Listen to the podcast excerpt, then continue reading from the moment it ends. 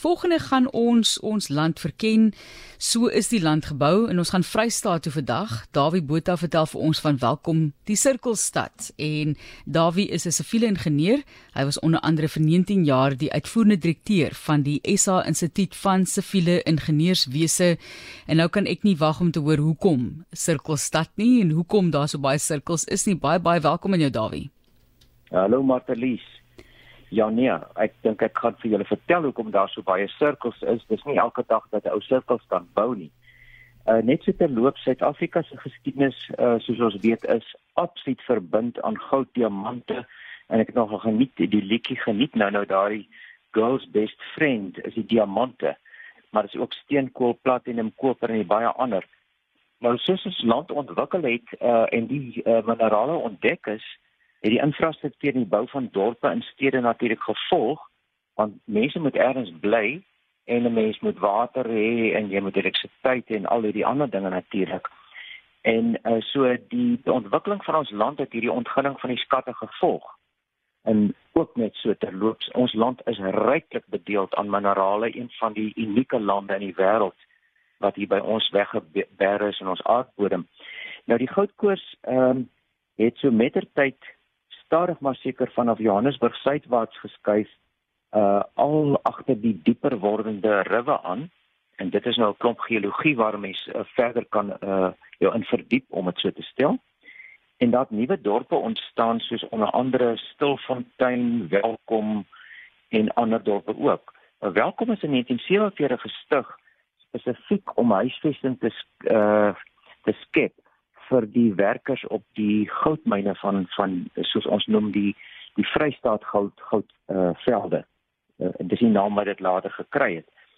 Net terloops ook die die dorp vierde verjaardag met my in uh so hy sê met die 47 gestig seker maar uitwerk hoe oud ek nou is.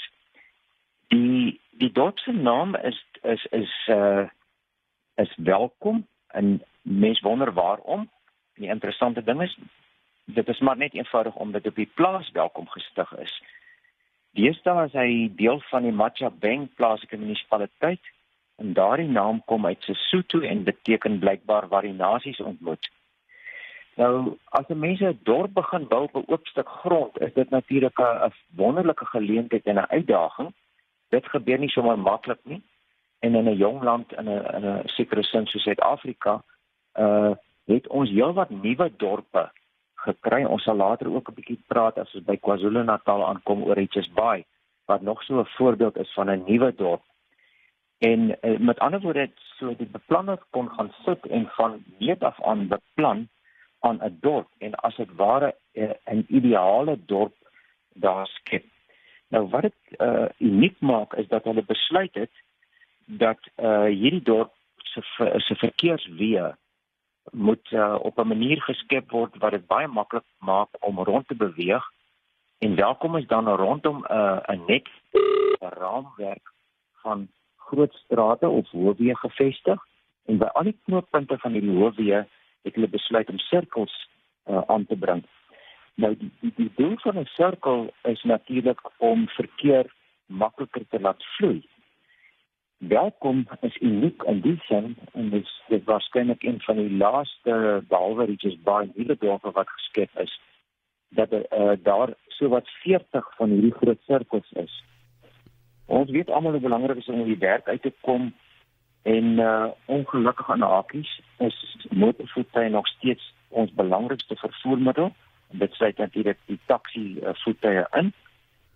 En dit beteken dat ons moet daagliks worstel met verkeersligte en stoptekens en en mense is nog nie baie lus om by stoptekens te, te stil te hou nie. Ek sien dit daagliks ook hier by ons en eh, 'n sirkel maak dit vir jou eintlik wettig en maklik om deur 'n kruising te gaan. So sirkels werk 100% van die tyd. 'n Mens moet wag vir die verkeerslig nie en jou brandstofverbruik is bietjie minder want jy hoef nie kort kort te stop en te wag nie. Maar nou is daar ook uitdagings met sirkels. Jy het eintlik 'n bietjie gediskrimineerde uh uh bestuurder nodig om te gebruik en die die aangesien manier is natuurlik om dit uh versigtig te benader, die in te vleg in die verkeer wat reeds in sirkel is. maar dit lyk vir my deesdae het mense 'n bietjie vergeet om sirkels te gebruik uh mense moet maar baie versigtig wees om 'n sirkel uh, te nader omdat mense dink die ou wat wat nou aan die ander kant inkom het voorrang. Eintlik is dit so dat die die persoon in die sirkel het wel voorrang, maar mense moet probeer invleg wanneer jy 'n uh, kansie kry. En dit beteken ook dat 'n hoflike bestuurder help iemand wat op pad op pad is in die sirkel in uh om daarom in te voeg. Wys maar vir hom uh, met jou ligte of wys met jou hand kom gerus in en dan loop die verkeer. Nou die ehm um, deesdae word word sirkels nogal jong wat uh, gebruik in ons land. Maar ek moet sê plaaslike owerhede is nie oral uh, so so ehm uh, opgewonde oor sirkels nie. Ja, maar ek moet sê Dawie as nou met die beerdkrag wil ek net byvoeg, sou dit natuurlik wonderlik wees ja. as dit sirkels was en as jy al 'n bietjie deur die wêreld gereis het by party plekke, sien jy hoe effektief sirkels kan wees en ek dink is dikwels lande wat nie so blootgestel is aan verkeersligte nie. So daar ja. is 'n manier wat ons maar weer kan aanleer, ja. né? Ja, en in Brittanje het het het hulle baie interessante sirkels ontwikkel bo snelweë.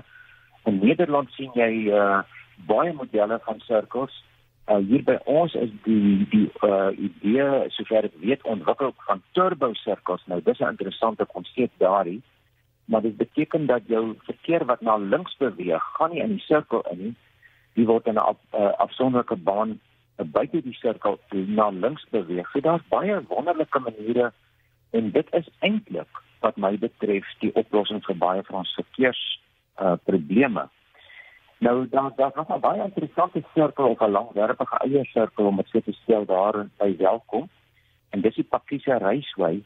Hy is in 1999 gebou om uit die die, die goudmyn in die eh uh, Nywerhede begin afneem. Nou jy weet as mense 'n hele stad gebou het en jy moet hierdie stad aan die gang hou, maar daar's nie meer uh, die oorspronklike bron van inkomste nie.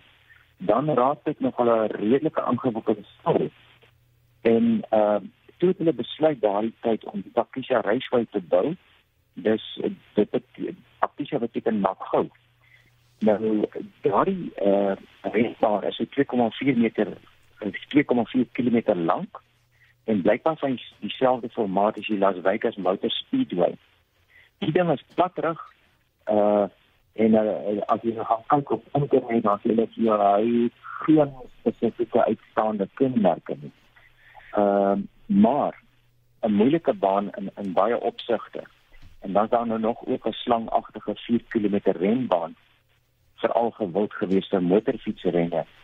Maar as jy ook weet die eh, die motorwêreld eh uh, die ouens wat die brandstof verbruik op groot skaal ehm uh, dit is 'n ding wat maar 'n modegier is. Hy trek ook maar die wêreld rond. Ons kon nog nooit daaraan slaag om weer van die groot wederinge terug te trek Suid-Afrika toe nie sit en laaste net uh, met ons besoek aan ons stasie welkom tak in 1999 is ek en Dr. Radmie Mulford ons president van daardie jaar die toegelaat om hierdie splinter nuwe baan te gaan uittoets. En dis toe uh, uh, in my Volvo S40 in daardie tyd 'n uh, rondjie op die baan maar ek moet vir julle sê ek is nie 'n brawe ou nie en uh, hierdie president was toe agter my kasse stuur so dit was my eerste en laaste ondervinding op 'n op 'n renbaan en dan kies ek maar die so groot sirkels van welkom hoor